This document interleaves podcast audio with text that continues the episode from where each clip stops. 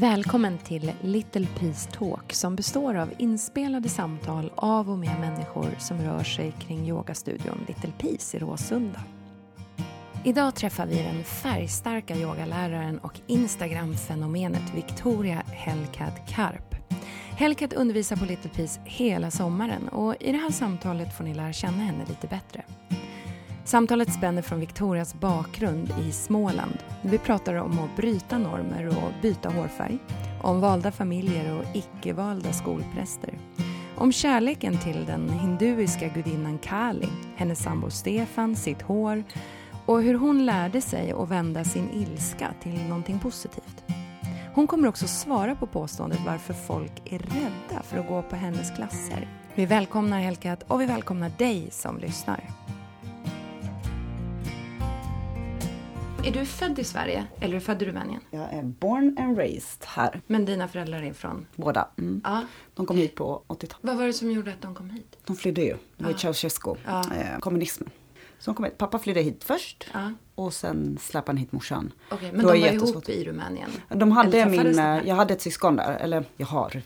Så att han var ju redan född, så mamma var ju kvar med min bror Ja. där. Landade de i Småland då på en gång? Eller för det är där du är uppvuxen? Ja. Ja, mamma och när mamma kom så gjorde de det. Då kom de direkt till Småland. Men pappa Mm. kom, då kom han till sin svåger först, vilket var i Rinkeby. Mm. Faktiskt. Och sen fick de jobb på gummifabriken i Rislaved där, som var så himla stor. Hade du hela din uppväxt? Tyvärr. Det känns så? Har ingenting att tacka den hålan för. Inte? Nej. Gislaved? Ja, absolut ingenting. Sällan jag nämner, för folk hör ju obviously att jag inte är härifrån. Men jag har ingenting gott att säga om det. Ingenting. Ingenting? Ingenting. Inte, inte hjälpt inte mig. ens drivkraften att ta dig därifrån? Den behövde jag inte från dem. Nej, okej. Den är medfödd. Elden har jag inte. Jag tänker inte, det är typ det finaste jag har. Jag tänker inte ge det till Islamia. Mm. Inskränkt, överreligiöst. De har jättebra, jag gick i dans och teater i gymnasiet. Mm. Och programmen var ju väldigt bra. Mm. Men eh, alltså du vet gå i gymnasiet och bli omkringjagad av prästen för att de tror att jag är besatt av Satan. Du kan ju fatta själv hur kul det var. Men alltså det här är ju, det, det känns ju som ett annat... Ibland kan, jag, ibland kan jag känna att jag inte har vuxit upp i Sverige på sitt, alltså utifrån ett rättvist perspektiv. När man är liksom född och uppvuxen i Stockholm och har gått gymnasium på Södermalm. Liksom. Jag upplevde inte att det fanns så mycket som man kunde göra för att liksom chocka någon eller stå Nej, ut. Eller... existens gjorde det. Jag hade aldrig kunnat tänka mig att bli jagad av en präst. Liksom, för att Jag jag... hade skolpräst liksom. Har du hört det? För mig var ju det normalt. Jag, jag, det var när jag flyttade hit när jag fattade att skolor inte hade det. Då var jag alltså 20 år gammal.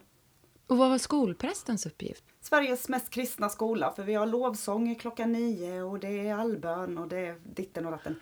Frivilligt då då. Ja. Såklart.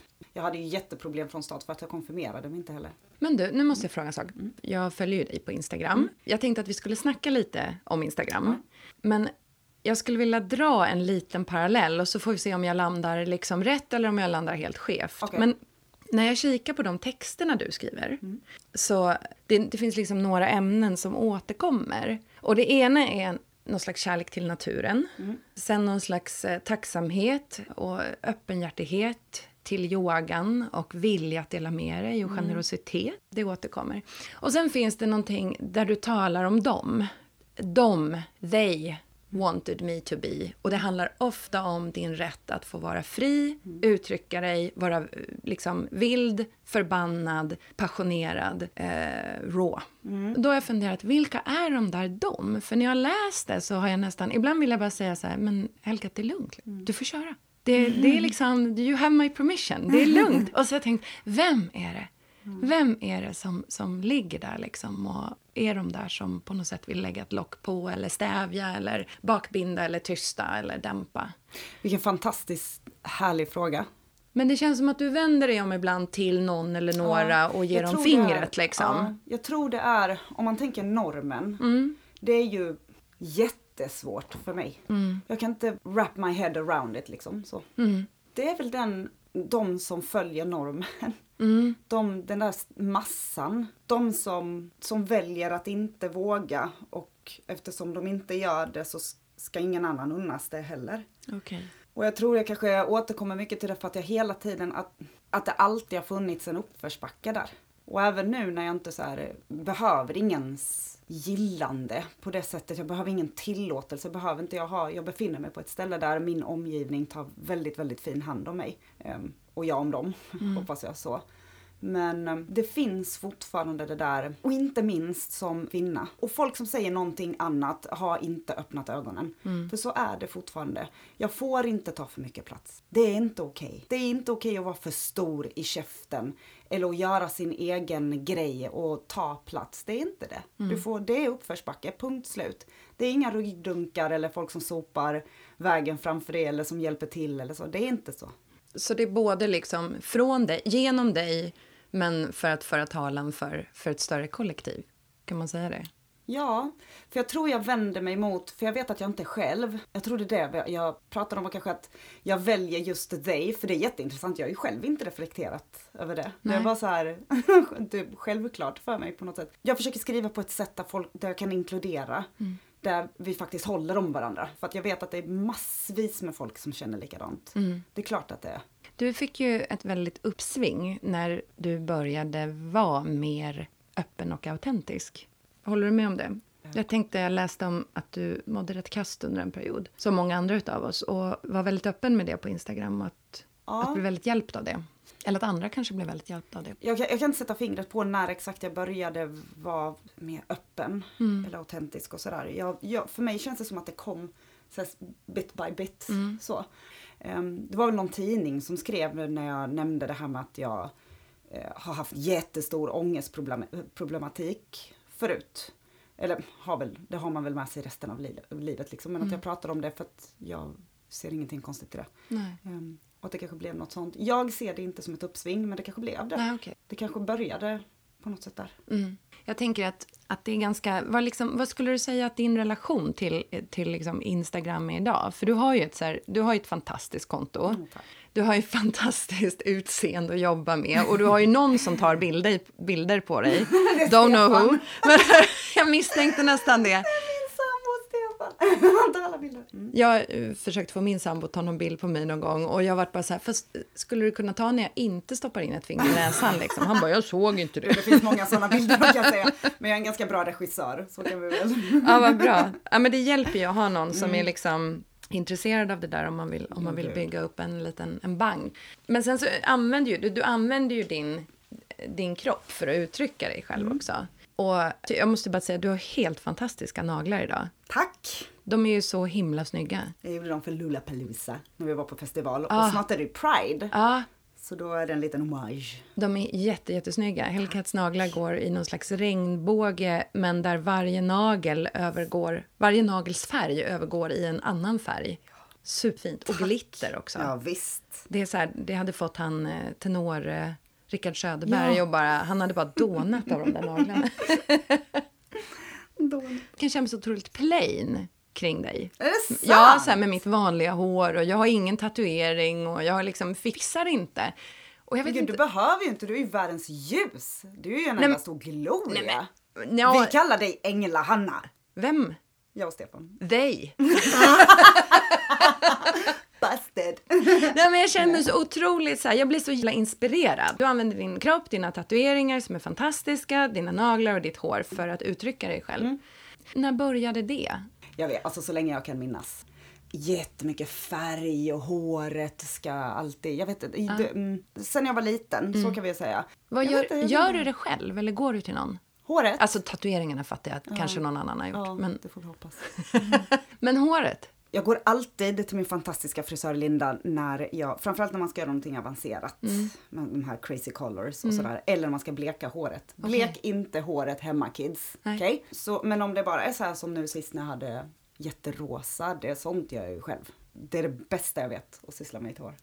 Är det, liksom, är det som någon slags kreativitet? Det är det Så att, så att när, du, när, det liksom, när du har haft ett tag, kommer det liksom en ny, som en ny inspiration? Eller en ny, bara fan jag måste göra om det här. Ja, och det är alltså på gott och ont. Mm. För det är ju för vissa är ju så här, du byter hårfärg så ofta, du är aldrig nöjd. I min värld är det ju så, jag är ju så nöjd. Mm. Så att mm. jag vill ju bara fortsätta. Jag blir ju själv inspirerad av mitt eget hår. Mm, mm. liksom, och så vill man. För du har ju nästan en ny färg varje vecka när du kommer och har klass på Little Peace. Det är så. Men sen använder jag, till mitt försvar höll jag på att säga, det är ju såna här färger som tvättas ur Mm. jättesnabbt också så det, det är väldigt lätt att byta. Men det är, alltså håret är, tatueringarna förstås, ehm, de är liksom på ett annat sätt mer permanenta, de är en jättegiven del utav mig liksom. Mm. Men håret är så här, det är så enormt viktigt för mig. Mm. Att ibland undrar jag själv vad det handlar om.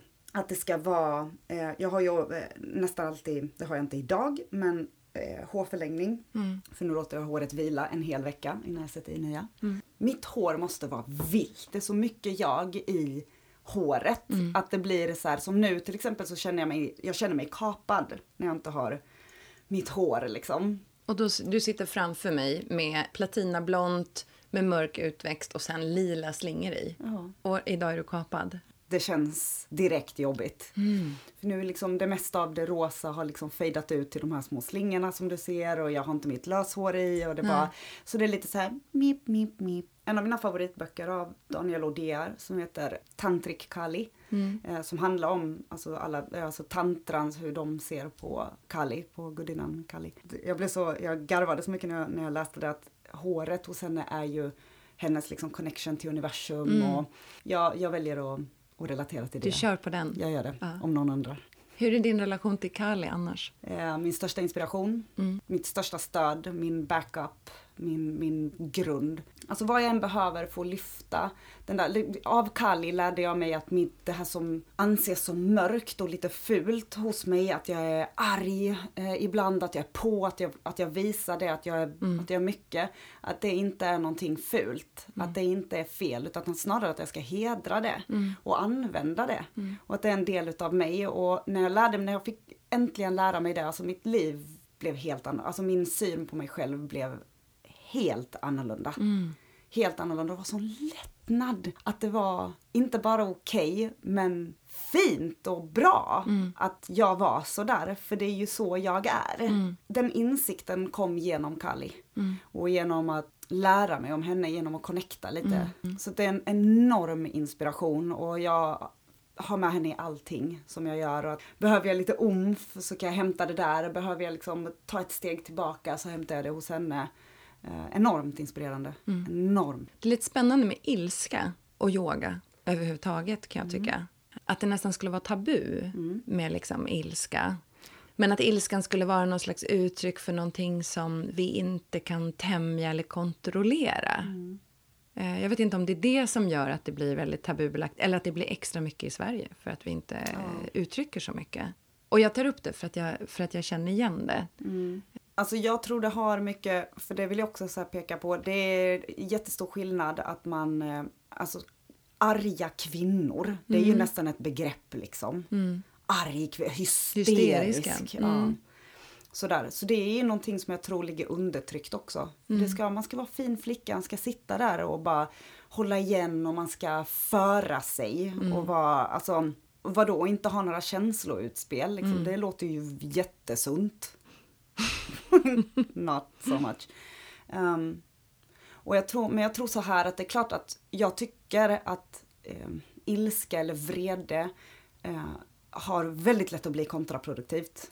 Absolut. Och det är ju det där vi pratar om, um, om man tappar kontrollen över det eller sådär. Att det, det brinner upp liksom i två Precis. ändar istället. Istället, istället för att brinna är bra, brinna upp en annan sak. Så jag tänker mig att, jag tänker, mig, jag tänker så här att eh, vrede eller ilska det är ju eld, det är ju energi och det är väldigt stark energi. Så använd den då. Kväva den, det är inte ett alternativ. Det är inte det. Och sen, men då, då kan man ju använda den på ett sätt istället för att låta den explodera eller brinna upp. Då har den ju förfallit, höll jag på att säga. Då har den ju försvunnit liksom. Använd det istället. Och hur man använder det, det är ju helt upp till dig. Jag kan använda det för att göra någon annan illa om jag känner för det. Men i min värld känns inte det så himla bra. Det är inte så jag vill använda min vrede. Utan ta, ta tillvara på den där, eh, på den där elden helt enkelt. Och så lägg den på någonting, alltså gör någonting med den. Använd den. Har du alltid känt att du har liksom har varit en, en eh, eldig person, med liksom en framåtlutad person? Är det något som kommer hemifrån eller är det din egen personlighet? Nej, det är min egen personlighet. Mm. Men eh, jag antar att det blev så när man, alltså, man, när man som barn visade sådana tendenser, man ska säga. Så jag är uppvuxen eh, som en extrovert. Om jag får använda sådana ord. Alltså att eh, det är så självklart att jag vill synas och höras och få uppmärksamhet och vara i centrum och sådär hela tiden. För att jag har ju så mycket åsikter och så vidare så att det hela min uppväxt har varit så här, ja men Victoria som eh, spelar teater och hon syns och hörs mest och hon blir fullast av alla när man Mm. var uppe i tonåren liksom. Det var så här extremt max, max, max, Mm. max. Och, och där har vi det där med att brinna upp Mm. istället då. För att det, det klingar, alltså det är ju någonting och det är väl där hela den här ångestproblematiken kom in sen att det var något som verkligen, verkligen inte stämde. Mm. Jag kunde inte sätta fingret på det förrän jag var ja, 20, upp mot 25. Mm. Så det var ju inte så, det var inte så där superlänge sedan. Men, eh, och då, nu blev det, det blev liksom bara eld av allting. Det blev ju skogsbrand av Mm, allting. mm. Eh, varenda relation jag var i spelade ingen roll om det var en, en, eh, en kärleksrelation eller om det var en vänskapsrelation eller arbetsrelaterat. Alla, vad jag än hade för relation så blev det kaos av det. Mm. Det blev drama eller det bara funkade inte. Så till slut fick jag sätta mig ner och så bara, okej vad är den gemensamma nämnaren här? Mm. Och det var jag. Så jag gick till, jag sökte till en sån här KBT-terapeut och Mm. bara nu måste jag luska lite i det här. Eh, Var det något speciellt som gjorde att det bara tippade över? För det är ju ändå ganska vaket att se det mönstret. det var nog bara det att det blev för jobbigt Mm. allting. Det var ju aldrig bra. Och ingen orkade till slut. Hur, hur ska man göra det liksom? Så till Ja. slut, jag hade liksom ingen, vilken väg ska jag ta? Jag hade ingenstans att vända mig för alla relationer var ju skit. Mm. Så att, ja, okej, men vad, vad är mina alternativ då? Så då sökte jag hjälp. Inga mediciner eller något sånt där, utan det var samtalsterapi och det var, det var ju fantastiskt. Mm. Och det var så jag liksom kom underfund med och det var också en annan sån här jätteinsikt. Jag tycker inte alls om att vara så mycket i centrum. Behöver inte höra vad jag, min åsikt är hela tiden. Nej. Så jag kan välja mina strider och jag kan välja när jag vill synas och höras. Och Jag mår bäst när jag får vara lite i bakgrunden och sen välja lite själv när jag får stiga fram.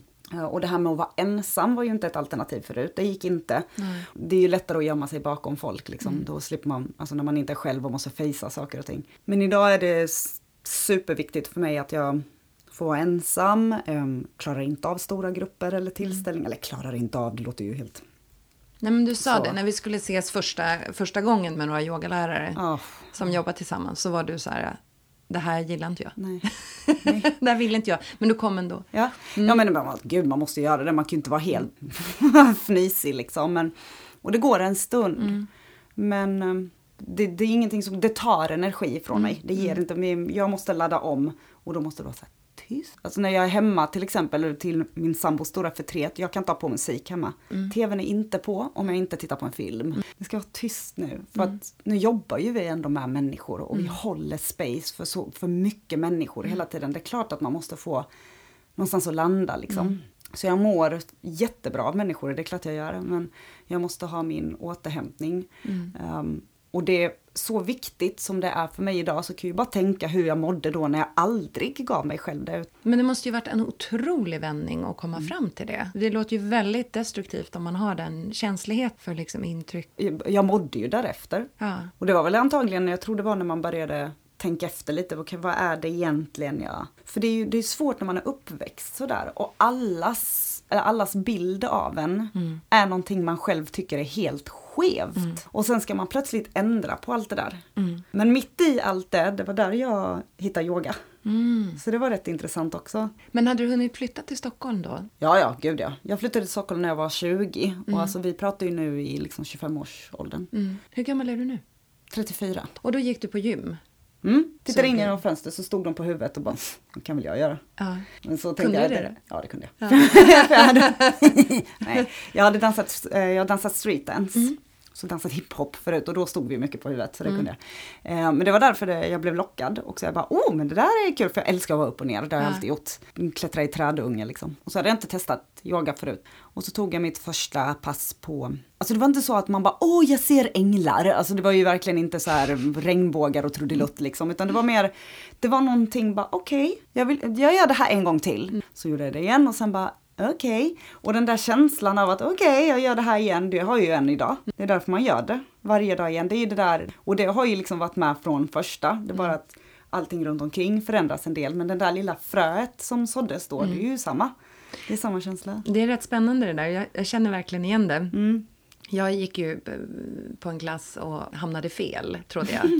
eh, och sprang in på en klass med en gästlärare, 22 år sedan. Oj. Eh, och klev in med så mycket buller och bång, smällde igen dörren och, och, och så insåg jag, gud jag, jag är helt fel. Och då kände jag, jag kan inte bröta mig ut härifrån utan jag får, äh, jag får väl ta en sån där matta och sätta mig här nu då och bara bita i det här äpplet. Eh, och hade inte som du någon, någon slags liksom dansbakgrund eller någonting sånt. Utan jag kände mig nog fysiskt eh, lite som ett kylskåp. Men det var någonting annat. Det var någon slags ton som gjorde att jag har inte gjort det här förut. Men det är otroligt bekant. Alltså det här, Åh, är, ja. det här är bra. Det är som att kroppen sa att det är så här du ska röra dig. Det är det, är det här du ska hålla på med. Liksom. Man hamnar i synk någonstans Ja, liksom. Att det är såhär, Hä? Ja, okej, häftigt. ja.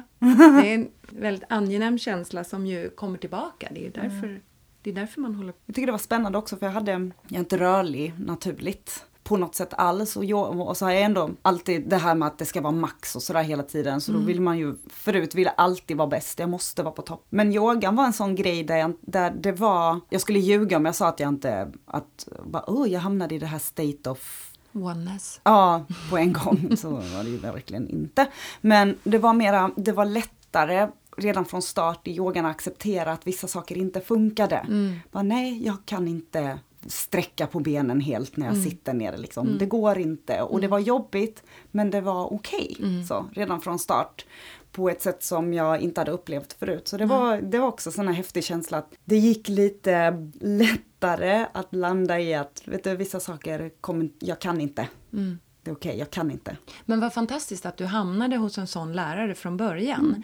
För att det finns ju en del lärare där man inte får den känslan att Nej. det är okej. Japp. och då kan man få en annan, eh, ett annat intro till vad yoga är. Det var så tillåtande, det var enkelt, det, var, det var lätt att vara där trots att man var helt ny liksom. Vilken härlig lärare. Mycket så. Ja. Men sen så tog du en annan väg, kanske inte direkt efter, men du har dedikerat dig till ashtanga-praktiken.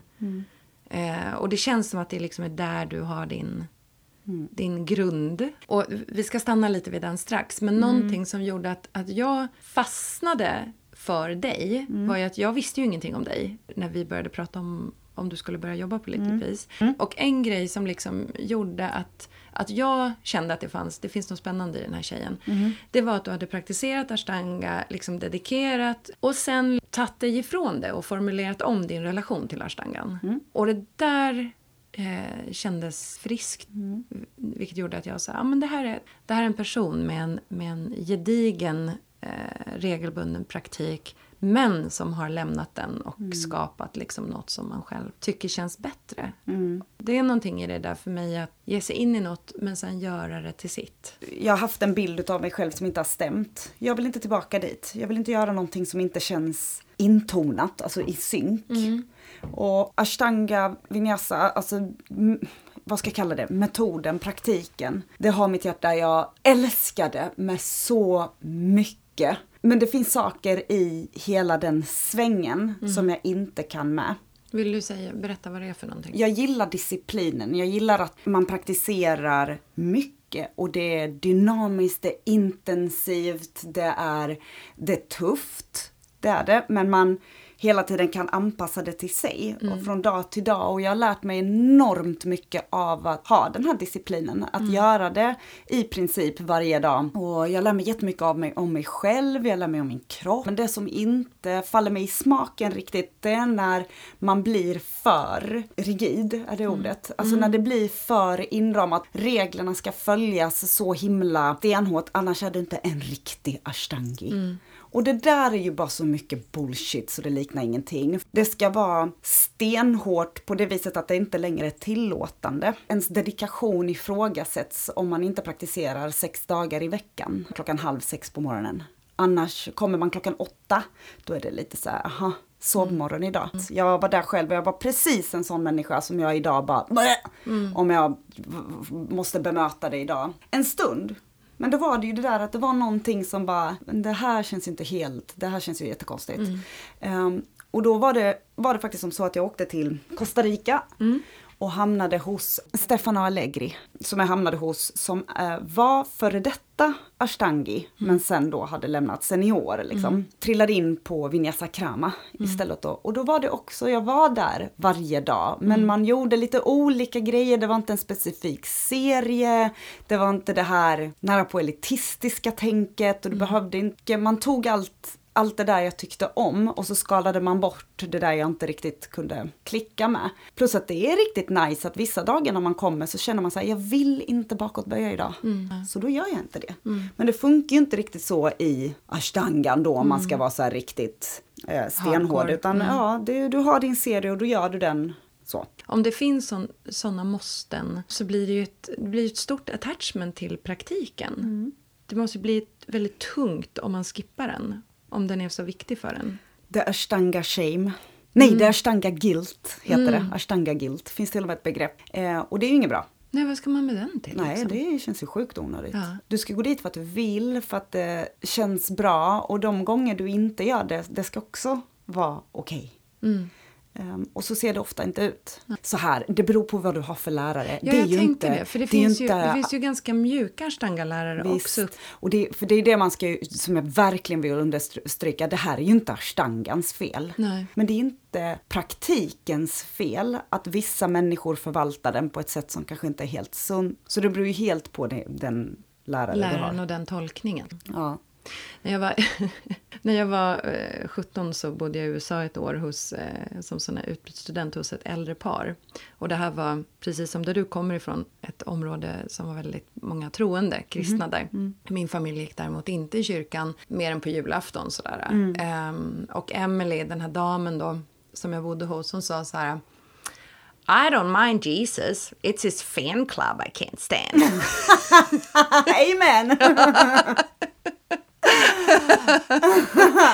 Jag vet inte om det är något på som... spiken alltså. Ja, ja, det kanske är liksom eh, tolkningsföreträdet. Mm. Det finns inte någon jag inte skulle rekommendera att testa ashtanga. Nej. Men bara gör det till ditt. Mm. Det är ju din praktik, ingenting annat. Nej. Men nu har du eh, genom den här läraren, vem, vad var det för lärare du, du träffade? Stefano Allegri heter han.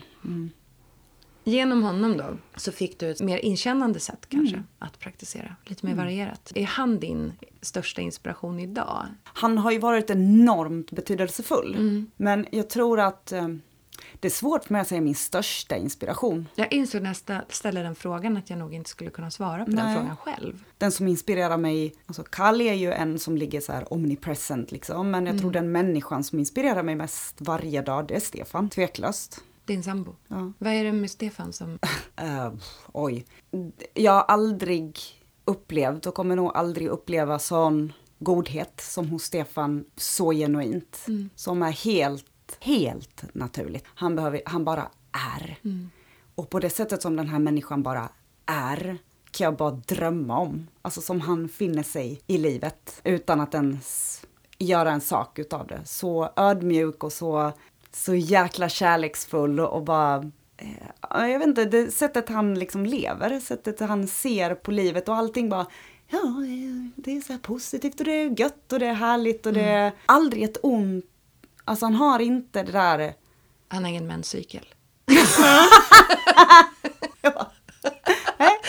Nej men det är så här, jag vet, han, har, han har inte ett ont, du vet så Nej, här, jag frö. Jag vet inte, det varje dag så är det någonting som jag bara kollar på honom och bara, gud vad, vad okej så där ska jag också tänka.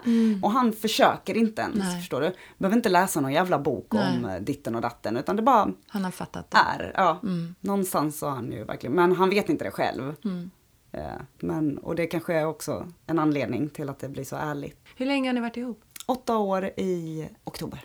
Vad fantastiskt att du har varit tillsammans med honom i åtta år och verkligen, verkligen fortfarande kan fascineras och inspireras. Oh ja. Ja. Och det är jättehäftigt. Men han hänger ju med dig på klasser ibland. Är på Little Peace. Ja, det är bara här han följer med? Ja. Jaha, jag Tisdagen han... är hans yogadag. Ah! Och då hänger han på? Ja. Ja. Vad kul! ja. Så han kör en dag i veckan? En dag i veckan. Ja. Flitigt. Ja. Ja.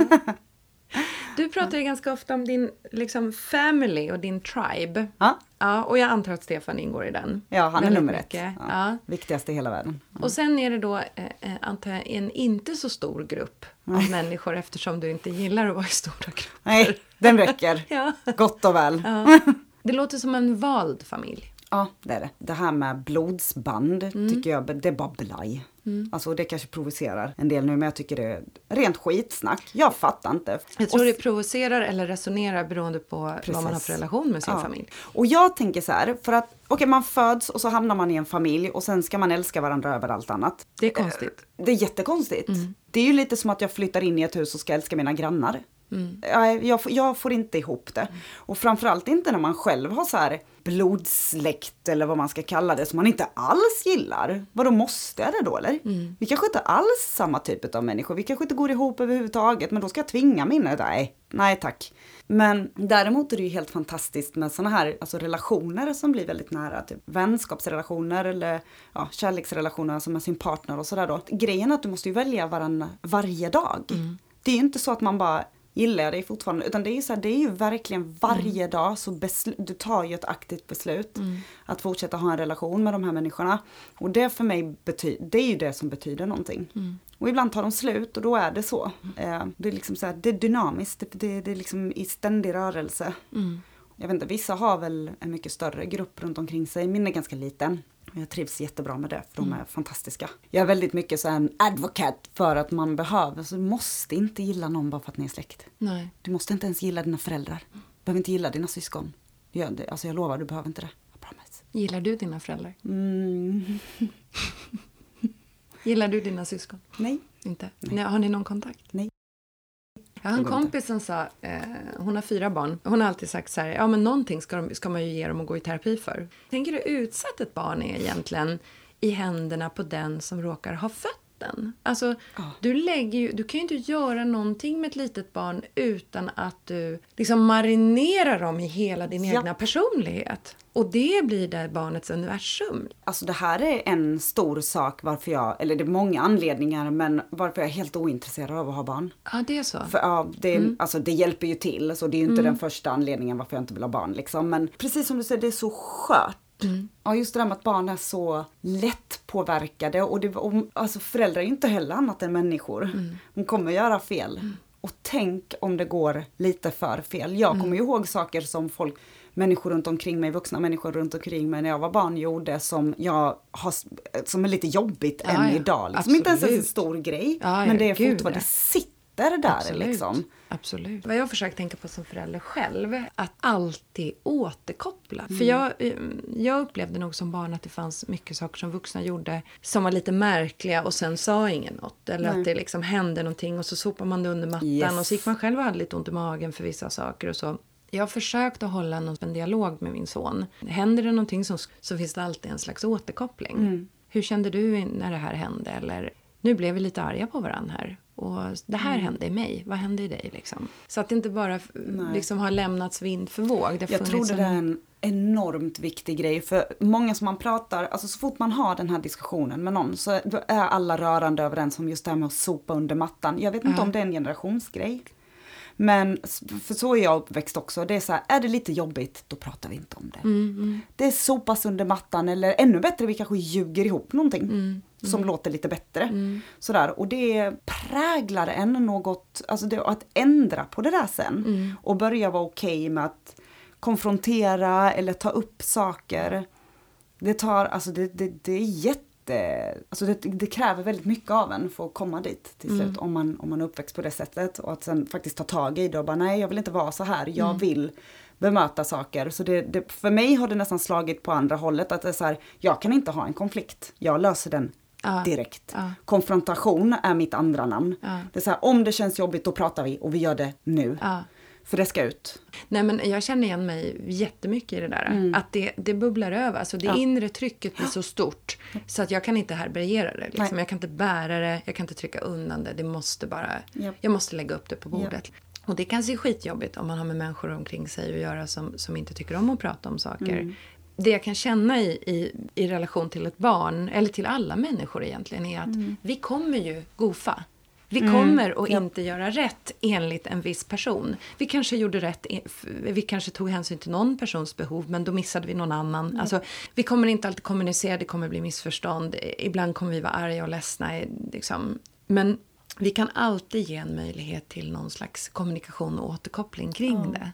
Och jag tror att Och det är ännu är det bättre något ju, färskare det är. Ja. Att man faktiskt, att, det, att, det, att återkopplingen kommer ganska tätt inpå. Mm. Och att som du sa, att det inte låter marineras i någon sorts skit ett tag. För då, då fastnar ju det liksom. Absolut. Så jag tror att hade jag bara fått möjligheten att prata om det. Mm. Eller att få det ur mig så tror jag det hade kunnat hjälpa i många situationer. Mm. Som inte var helt pleasant liksom. Och också att liksom validera någon annans upplevelse. Mm. Att hur vi ganska ofta, för att personer liksom, för att skydda sig själva, kanske förminskar den andras upplevelse. Mm. Och speciellt barns upplevelse tror jag förminskas ofta. Att liksom, var inte fånig nu, eller det där är överdrivet, eller det var inte så dramatiskt. Men det, Ja. det är ju den personens upplevelse. Det kan jag uppleva ganska ofta i många olika relationer så är det också att barn inte riktigt tas på så stort allvar. Mm. Vilket är jättemärkligt för du kan ju inte hitta någonting mer öppet Nej. än ett barn. Jag menar de har någonting som vi har förlorat. Mm. Och att man inte hedrar det, alltså att man inte, jag vet inte, ser till det mer som vuxen tycker jag är jättekonstigt. Vi har väldigt mycket att lära oss utav barnen om vi håller dörren öppen Mm. och håller den kommunikationen flödande. Och jag har tänkt ofta att min relation med min son är ju en relation som jag får förtjäna. Jag har satt honom till världen och jag kommer alltid älska honom. Mm. Och mitt jobb är liksom att, att eh, förutom de basala behoven att se till att han försöker med omsorg sätta honom på spåret. Men när han är 18 så är det ju bara om jag har varit så här rätt skön för honom att vara omkring. Och då menar jag inte att, att det är fritt från konflikter, men att vi liksom har en rätt clean relation. Det är ju bara om jag förtjänar hans, hans eh, vänskap är det ju då. Eller vi, jag kommer ju alltid vara hans mamma, men jag tänker han har ju ingen skyldighet att komma och hälsa på mig egentligen. Och jag, vill, jag skulle så gärna, jag skulle tycka att det vore kul om han skulle tycka om att hänga med mig. Men du, alltså hur tänker du kring, alltså känns det okej för dig att tänka så att, alltså det kanske kommer komma en tid där han inte är särskilt intresserad alls att hänga med dig eller så kanske han är det, man vet ju inte hur det blir, men om du tänker om det kommer någon sån här frigörelseprocess när det bara är så här helt, alltså känns det så här panikigt för dig och bara uh. Ja, men jag tänker nog att han behöver det för att bli sin egen. Att det är så här det ska vara liksom. Det, ja, ja men, jo, men lite hur jäkla jobbigt det än är. Och jag menar, vi har ju inte en konfliktfri relation alls. Men han sa någon gång till mig, så sa han så här, han är tio nu. Mamma, jag vill inte bli tonåring. Nähä, varför inte då? Därför tonåringar tycker inte längre om sina föräldrar. Och jag vill ju fortsätta tycka om dig. Och då sa jag, på ett sätt så är det nog så att du inte riktigt ska tycka om mig. Eh, Det kan vara ett slags friskhetstecken och det hängde han inte med på riktigt. Och så sa att det behöver inte bli riktigt så dramatiskt heller. Jag tror, Och det tror jag beror, det ansvaret skulle jag lägga helt på föräldern. Mm. Hur man förhåller sig ja, ja, till det. absolut. Försöka liksom vara den tryggheten som han kan Mm. komma till. Men eh, har han behov av att inte komma så det är inget behov i mig han ska tillfredsställa i egenskap av att vara min enda son. Liksom. Det vore för jäkligt. Ja. Skönt att tänka så, för det är mycket annat Han, han är inte min liksom. Nej. Skönt att höra, för i min generation, jag antar att det är en generationsgrej, så är det väldigt mycket det här, alltså så mycket skuld, alltså så mycket, du, vi, är så, vi är skyldiga våra föräldrar. Så mycket. Mm. Vi är så skyldiga, vi, de har tagit hand om oss, vi är skyldiga dem. Mm. Vi är skyldiga att älska dem över allt annat, göra allting för dem, vilket är helt befängt. Mm, jag tycker nog det är knäppt. Däremot så finns det, något, det finns något fint i att hjälpa varandra för att vi själva har blivit hjälpta. Men det är ingenting vi måste. Ja, Alltså vad jag menar är, om det, för skillnaden är ju på något sätt att göra det för att, man, för att det känns som så här, det här vill jag göra Mm. för den här personen. För den har betytt jäkligt mycket för mig. Men att göra det liksom på grund av skuld. Ja, precis. Jag tycker så här, det, jag brukar säga det också att det är så här, när folk bara, åh men jag har jättefin relation till mina föräldrar eller till min familj, bara grattis, shit vilken tur. Mm. För det hade ju inte behövt bli så, så det är ju jättehäftigt Ja. om man prickar så rätt liksom. Ja, det är inte en, en mänsklig, mänsklig rättighet. Nej. Liksom. Nej. Vi pratade lite innan om, eh, innan vi kom in och satte oss här. Ja. Apropå yogalärare, hur, hur önskar du själv att vara som lärare? Jag vill ju ge det här fantastiska som jag får. Mm. Det ärligaste jag kan ge det är ju det som har, som har nuddat mig mest, som har påverkat mig mest på Mm. ett positivt sätt såklart. Min, hela min nisch handlar ju om att uppmuntra en och nosa på, på gränserna utanför sin comfort zone. Mm. Och det låter kanske väldigt så, som en klyscha liksom, men det är, då är det väl en klyscha av en anledning. För det stämmer så bra att det är där vi växer. Mm. Och hitta den där balansen, att inte överpusha, men samtidigt inte falla in i det där, nej. Alltså våga fejsa det som känns lite jobbigt Mm. utan att trycka på det för hårt. Så jag ser det som, alltså min, min ambition är ju att kunna hålla det spacet för folk att känna, att våga. För om de vågar göra det på mattan så kommer de ha lite mera mod för att göra det utanför mattan sen och det är där det gäller. Mm. Så det är hela min, jag vill att folk, jag vet att människor är modiga, jag vet att vi är det, men det liksom läggs massa konstiga lager över och sopas under och, eller sopas över och så, där, och så försvinner det lite grann och så blir det den här grötiga, grå, tråkiga massan som vi nämnde lite tidigare. Alltså man tar fram modet hos sig, då är, det, då är man lite närmare det där som är en, alltså som man verkligen är. Det där, då får du pysa ut lite mer av det som faktiskt är du. Mm. Det vill jag i min roll som yogalärare. Så hoppas jag att det är det jag kan uppmuntra folk till. Eller i alla fall hålla space där folk känner att ja, men här ska jag Mm. testa. Mig. Dina klasser är ju ofta liksom associerade till en, en tuffare, mer dynamisk praktik Mm. med, med få godtagbara ursäkter. det var du- du som sa. Nej. Du använt din och använder din kropp för eh, permanenta och även icke-permanenta uttryck. Eh, väldigt mycket tatueringar, eh, nagelglada färger, eh, stort hår med mycket extensions. Vi har pratat om det. Och Jag tror att för många är det synonymt med ett, ett visst mått av mod. Mm. Så vad skulle mod vara för dig? Alltså för mig personligen. Men alltså det slutar ju inte bara för att man är modig en gång. Alltså det där mod måste man ju ha hela... Det så, så allting jag gör kräver ju mod utav mig. Bara att kalla sig yogalärare och ta på sig den titeln kräver en del. Att våga, alltså att uttrycka mig på det sättet jag gör när jag undervisar och våga kliva in i deras space är också för mig, alltså det, det, det kräver mod utav mig. Jag ska fan inte förminska det, jag tycker det mesta jag gör kräver mod. Och jobba som jag gör, att göra allting på egen hand, att uttrycka mig som jag gör. Bara för att jag trivs som fisken i vatten med stort rosa hår och tatueringar så betyder inte det att det någon gång blir enkelt. Det är ju fortfarande frowned upon många gånger. Så det är, sen förstås alltså det som är på ett mera personligt plan, att våga göra såna här grejer. Sitta och prata som jag gör nu. Kräver en del att träffa nya människor. Att eh, varje gång som jag tar någon ny, själv tar någon ny kurs eller någon ny utbildning måste jag ladda upp ordentligt för jag tycker det är skitjobbigt. Det är förmedlat med jättemycket rädsla för mig att träffa nya människor och skaka en ny människas hand liksom. Att nosa på mina gränser alltid. Om det här med närheten är väldigt läskigt så träffar ju du extremt mycket människor på Instagram utan att behöva ta dem i hand. Men ja, precis. Ja. Och det är ju helt fantastiskt. Ja. Det är säkert därför jag har mycket lättare för att uttrycka mig Ja. i Instagram. Just för jag har ändå den där distansen. Mm. Det finns en distans där. Du kan inte röra mig. Det finns mera space. Det finns framförallt en möjlighet att, att sudda och skriva om och fundera på hur man, hur man vill uttrycka sig. Precis, och radera och ta bort. Och, alltså det, Mm. Mm. det är ju en säkerhet, definitivt. Samtidigt som det är många, alltså även skulle man liksom lägga upp någonting som man sen tänker shit, det här var inte så bra, så är det ju alltid någon som har sett det. Så att man kommer ju inte undan helt Mm. Nej. och hållet liksom, det går inte. Personligen har det varit väldigt bra, för det har ändå hjälpt mig till att bli så okej, det är mitt första steg till att bli lite mera öppen kanske, eller ta mera kontakt. För det hjälper ju mig utanför skärmen sen, för att hur mycket jag än älskar sociala medier eller eh, sådär, så måste jag, jag måste ha luft, jag måste vara ute i den riktiga världen. Så för mig har det bara varit mestadels positivt. Trivs bra med det. Och hinner tänka, du vet Ja. innan man säger saker. Jag är mycket, mycket bättre på att uttrycka mig själv i skrift. Jag är bättre med det skrivna ordet än med det talade, ord, talade ordet. Eh, Jag upplever att du är ganska generös med, nej men liksom om du är upprörd över någonting eller om någon har, liksom, någon har sagt något eller någon har varit på det här sättet. Och ibland kan det kännas som du använder det lite som en ventil.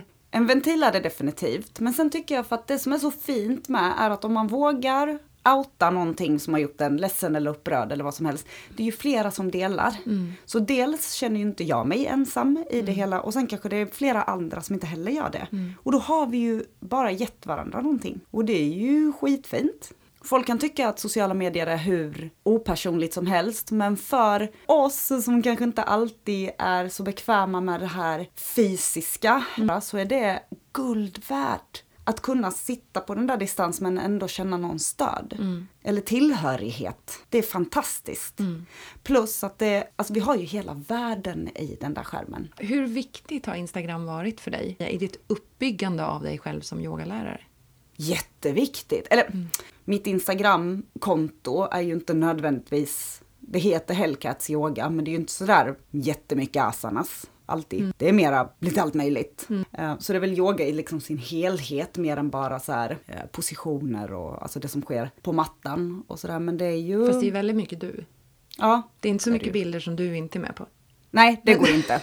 Det är mitt konto. Ja, ja, ja. För nu håller jag faktiskt på att försöka få in mera, ja men mera så här vad jag, hur jag undervisar, alltså vad, jag, alltså vad som händer på mattan. Jag menar det har jag ju också hur mycket som helst att ge. Så varför gör jag inte det på en sån kanal? Jag hade också säkert nått en annan publik kanske, eller bredare på ett sätt om jag bara visade de här riktigt extrema grejerna som min kropp kan göra. Jag har ju mer att ge andra än att lägga mitt, mina ben bakom huvudet. Liksom. Förstår du vad jag menar? Så jag tror att eh, det ser ju lite ut så. Det, det kan man inte komma ifrån. Sociala medier, ju flashigare och extremare och sådär där, desto mer engagemang kommer det få. Så är det ju. Men Absolut. det är väl också en träning, liksom. det är ju det med att vara sann mot sig själv där också.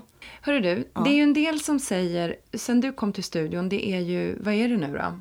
Är det ett och ett halvt år sedan? Mm, ett år något sedan? sånt. Något sånt. Är det inte mer? Nej, kanske det Det inte kanske är ett och ett halvt. Du gav ju våra tisdagar ett riktigt uppsving. Och det är superkul. Men sen, jag ska vidröra vid en grej som vi har pratat om tidigare. Så är det ju vissa som har sagt, jag vågar inte gå på Hellcats klasser. Ja. Trist va? Ja, och då sa du att du blir lite ledsen. Ja, för jag själv förstår inte. Mitt mission är att få folk att nosa på sina gränser. Och om jag har tio personer i klassen, då är det tio olika gränser. De, är, de är inte i samma, liksom, på samma ställe. Så det kommer vara tufft, för det är så jag jobbar, för det är det jag älskar mest. Liksom. Det är klart det kommer vara lite flåsigt och jag kommer stå där och gapa lite. Och... Men var det här hårda kom ifrån, jag kan inte relatera till det för jag ser mig inte som hård. Däremot så ser jag mig som tillåtande, som uppmuntrande, som lite så här pokig, lite irriterande. Mm. Men kan det vara att du inte ger något utrymme för, för det egna bullshitet att få plats? Ja, fast om folk ska lipa om det, då, alltså, då är det inte mitt, alltså, då du vet, skyll inte på mig. Det jag call out, det är om jag ser att någon, för det är jättevanligt att man låter till exempel huvudet tala om för en vad kroppen orkar och inte orkar och så har man inte ens gett kroppen en chans att testa. Och man ser det klart och tydligt. Vad händer här? Varför sitter du ner? Gör positionen. På det sättet du gör den, bara gör den. Och så funkar det, lo and behold. Och jag kan tänka så här att även om jag gör det hur tillåtande som helst. Jag brukar säga det, speciellt om jag har väl, om det är någon ny klass eller sådär, att det, kom ihåg att allting som kommer från mig kommer från en botten av kärlek och ingenting annat. Och det är 100% sant. Och så säger jag, ni, kan, ni kommer antagligen gilla mig mer i slutet på klassen. Det kanske är att just det här att jag inte, att jag kanske pushar på lite till. Bara ifrågasätta det lite grann. Hörru, vad händer? Testa. Vad händer? Att vissa gånger så, så funkar inte det. Jag kommer ihåg en gång jag eh, undervisade en klass mitt i allt och jag blev så här, håll ihop fötterna, sätt ihop fötterna, nej öppna inte, håll ihop fötterna. Och till slut var det en, det är inget roligt, men en elev som blev lite så här och bara, men varför är du så arg? mitt i klassen. Du. Och det satte ju mig på pottkanten. Det var ju det sista jag ville förmedla. Ibland matchar det inte. Jag är helt okej med att, alltså att man vet att mina klasser är tuffa, att de är dynamiska, att det inte är någon mysyoga. Men det här med att jag skulle vara för tuff eller för hård och att folk inte vill komma, det, det gör mig direkt ledsen. För då är det så här, uff, då har jag misslyckats med att förmedla vad jag vill. Men eh, vi kan Ja. väl ändå konstatera att det är väldigt många som kommer tillbaka. Ja. Så att har de gått en Ja. gång. Så det verkar ju vara någonting som florerar innan man har varit på klassen. Någon slags upp, upplevelse eller någon slags uppfattning. Så det kan vi väl konstatera i alla fall. Att, Ja. det, att det är ett gäng som verkligen kommer tillbaka och som verkligen uppskattar. Jag tycker själv att det är ganska viktigt att, puffa på yogan. Alltså trycka på det att det här är liksom inte eh, glitter och unicorns och kom och softa och så ska vi klappa på dig. Utan det här kräver ett dedikerat tufft arbete. Eh, det kräver att du tittar på dig själv. Det kräver att du fan städar ur dina lådor lite och, och liksom rise to the occasion. Och kanske till och med beyond. Och det, det är först där någonting kommer att hända. Ja. Och det kan också vara det som är att vara vänlig och snäll och Mm. rättvis. Både liksom på mattan men också i vårt eget liv. Mm. Att vi faktiskt kan säga nej till vissa saker eller ja till vissa saker. Helt, jag är helt med på det. Och att man, jag sa det senast igår när jag undervisade en klass och bara, men herregud jag är inte här för att klappa på ert ego. Mm. Det är inte därför jag är här, för jag kommer inte göra er en tjänst av det. Mm. Och det betyder ju inte att jag ska stå där och vara någon sorts svin. Sådana lärare har vi alla haft. Mm. Det är ju vidrigt. Du måste ju fortfarande veta att folk, alltså, jag vet ju det själv varje dag på mattan, jag är aldrig så skör. Jag är aldrig så känslig och öppen som jag är när jag är på den där mattan och gör min praktik liksom. För det finns inget, som sagt, det finns, det, det är liksom inte, det finns inget space för bullshit där. Det är inte därför, det är sacred space liksom, och där ska man våga ge sig hän till det. Och att i rollen som lärare på något sätt klampa på det, alltså begå någon sorts övertramp, det, det, det, finns inte i min värld. Liksom. Du sa till mig att du är väldigt trött på yoga-communityt. ja, det är jag. Vad är det du är trött Alltså det jag är besviken över är att, och nu ska jag säga redan från början att det är inte så att jag skuldbelägger alla andra utom mig själv, för jag är själv en del utav det. Det är bara att jag försöker ändra på det nu för att jag märker själv hur kallt det är. Så vitt jag har märkt, för kom ihåg att jag pratar utifrån mitt eget, liksom vad jag har upplevt. Och jag tycker att det är så fruktansvärt tävlingsinriktat. Jag tycker inte att vi lyf- lyfter varandra. Jag tycker inte att vi supportar varandra. Jag gör verkligen inte det. Jag känner mig inte trygg eller välkommen. Är det liksom i vissa sammanhang eller? Ja, de flesta skulle jag vilja säga. Alltså det är inte... Alltså jag vet att jag kanske också hade någon sån här romantiserad syn över att, alltså att man när, när någon kommer på något nytt eller när någon ger sig in i någonting nytt så hjälper varandra och man hjälper varandra och man skickar folk till varandra. För jag menar ju fler, jag menar vi, vi gör väl det här för att få sprida någonting, för att dela någonting. Och om man bara då uh, ska hålla allting till sig själv, då, då spricker ju hela den idén. Jag blir ofta ledsen över hur eh, icke varma vi är mot varandra, så att vi inte uppar varandra och vi snarare begränsar varandra och bara åh men om du är här så får du inte göra si och så där. Du får inte nämna det. Allt ska vara så nära en själv hela tiden. Nej, vi kan ju inte äga liksom deltagare Nej. heller. För det är ju inte så att man skickar folk till varandra och någon sitter och håller på dem. Nej. Och sen har man tappat alla sina elever. stannade de där. Ja men precis, och så bara har man förlorat allting. Jag tänker så här, det är ganska många som alltså, praktiserar yoga, vi, vi är okej. Mm. Det är okej. det kommer folk. Du har ju satt ihop en egen yogalärarutbildning. Ja. Som inte kommer vara på Little Peace. Men den kommer vara på Tallkrogens Yoga. yoga Ja. heter det va? Ja. Är det så att det här är någonting som har ökat sen du gjorde din, din egen teacher training eller? Alltså när jag outade den Mm. så ja, var det lite så här knorrigt. Jag kan nämna typ två, förutom du nu, som har lyft, alltså som överhuvudtaget ens har sagt någonting. Kul! Men för de här som skulle, är nyfikna på din utbildning. Mm. Om du skulle göra en elevator pitch för en. Oj vad svårt, det är ju där jag kan få skriva det. Mm.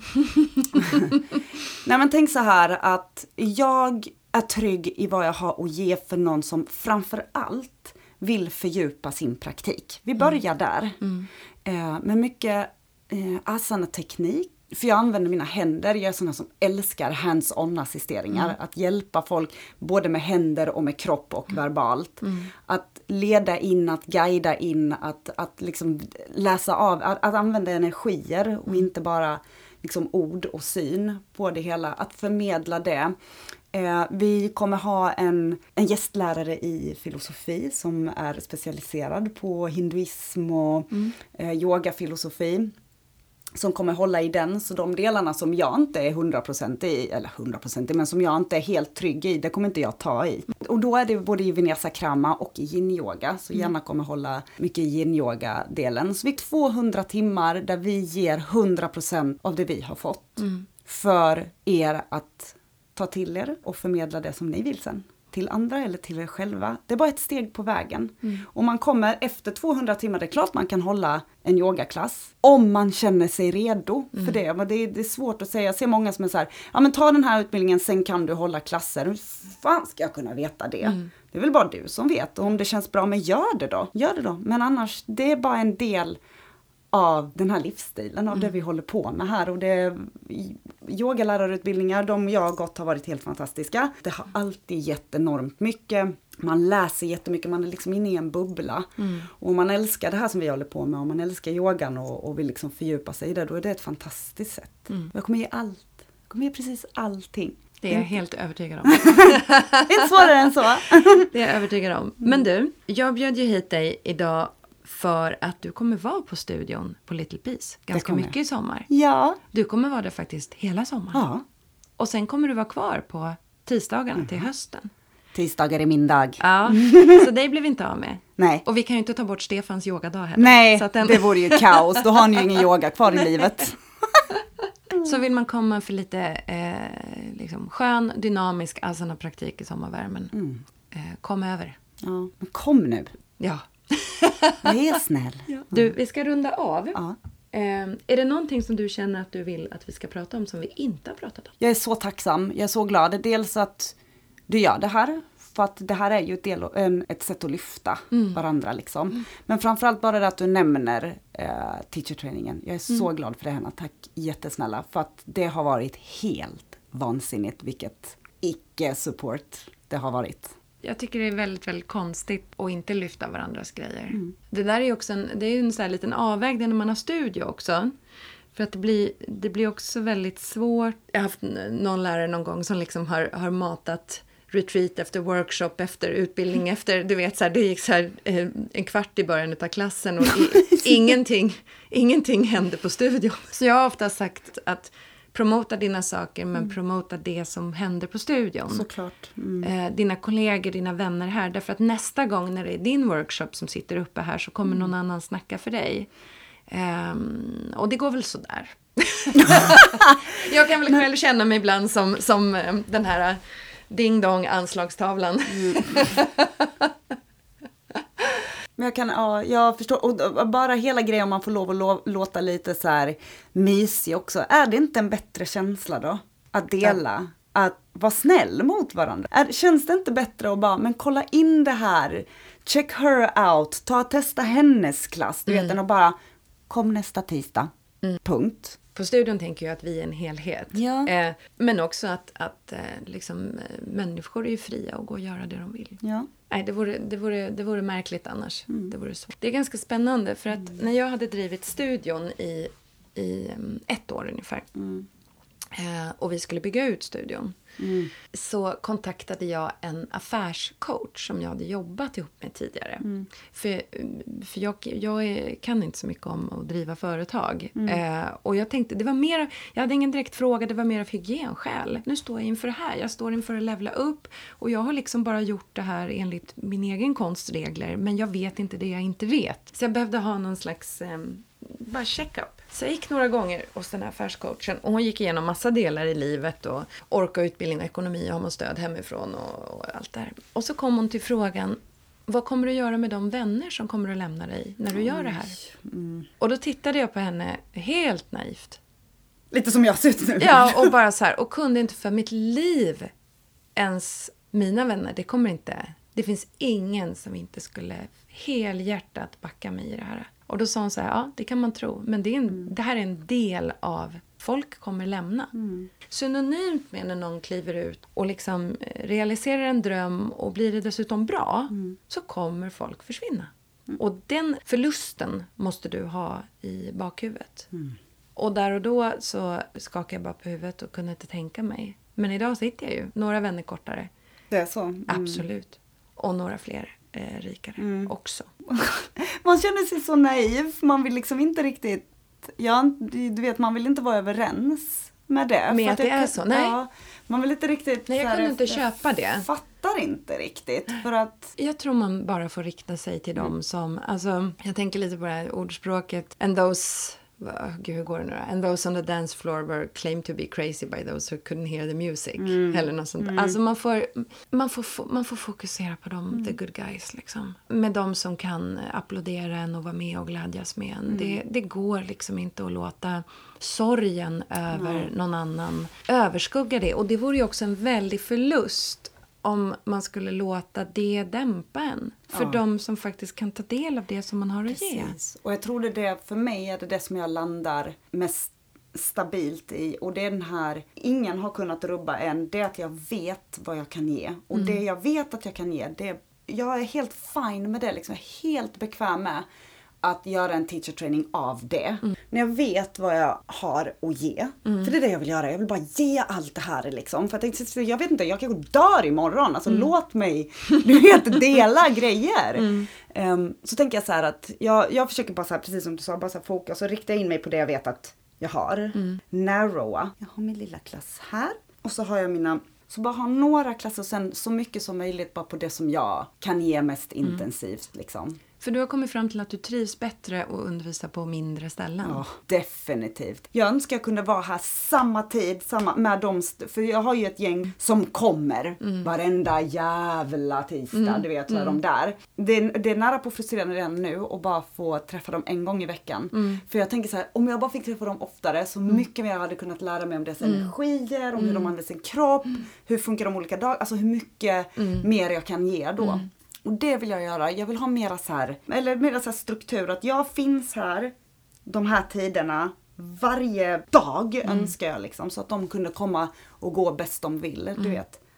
Ja, vi får se vad vi kan göra för att lösa det. Ja, det skulle vara helt, det är då det blir lite mera så här inriktat och det, jag gillar ju det där. Jag pratade med Eddie Stern någon gång och han sa att han tyckte att den ultimata yogagruppen var 15 personer. För då kände han att han kunde liksom hjälpa. Ja. Eh, och nu vet vi att han ofta har mycket, mycket större grupper än så. Eh, och jag kan själv känna de gångerna man har haft så här uppåt 50-60 pers. Ja. Så man känner sig nästan som en dirigent. Ja, alltså som en ja. här orkesterledare som står längst fram och liksom mer, mer räknar. För man kan Mm. inte hjälpa alla individuellt. Och så är det värsta det där med att det kommer ju vara folk man inte ens har rört vid. Ja. Och för mig är det så här, ugh. Du, men det har varit fantastiskt spännande och Ja. kul att få liksom, titta in i din värld och höra lite mer om din bakgrund. Ja. Och du kommer vara hela sommaren på Ja. Little Peace. Eh, Jag ska ut och vandra en vecka bara. Ska du slutet det? på augusti. Var ska du gå då? Då ska vi gå Jämtlandstriangeln. Ah! Ja, jag har ingen aning om Den vad har fan jag det är. hört massor men, om. Ja, jag med. Det ska vara så fantastiskt och jag Ja. är så taggad. Gud vad härligt. Men det är en tisdag, resten så kommer jag vara här och eh, Ja, svettas. Det blir toppen. Sweat and introspect. Ja. Låter inte det flashigt? Det låter helt underbart. Tusen tack Helkat för att jag fick snacka med dig. mycket. Yes, nu ska du gå och hålla klass. Ja. ja. Hej! Hej då! Där drog Helkat ner för att hålla sin klass på studion. Och jag sitter kvar här och känner att jag har haft ett samtal med en skör, ärlig, rak och mycket kärleksfull yogalärare. Jag hoppas verkligen att samtalet har gjort dig nyfiken på mer och om du tillhör någon av dem som tvekat inför hennes klasser, no more. Du kan träffa Hellcat och hennes kära Stefan tisdagar 17.30 på Little Peace under sommaren och till hösten. Men du kan också träffa henne på hennes berömda Instagram Hellcats Yoga. Vårat Instagram, det är Little Peace Yoga. Och finns det någon som du tycker att vi borde träffa och prata med här i podden så hör av dig till oss på info.littlepeace.se. Tills vi hörs igen, ha det gott i sommaren. Puss och kram, shanti shanti.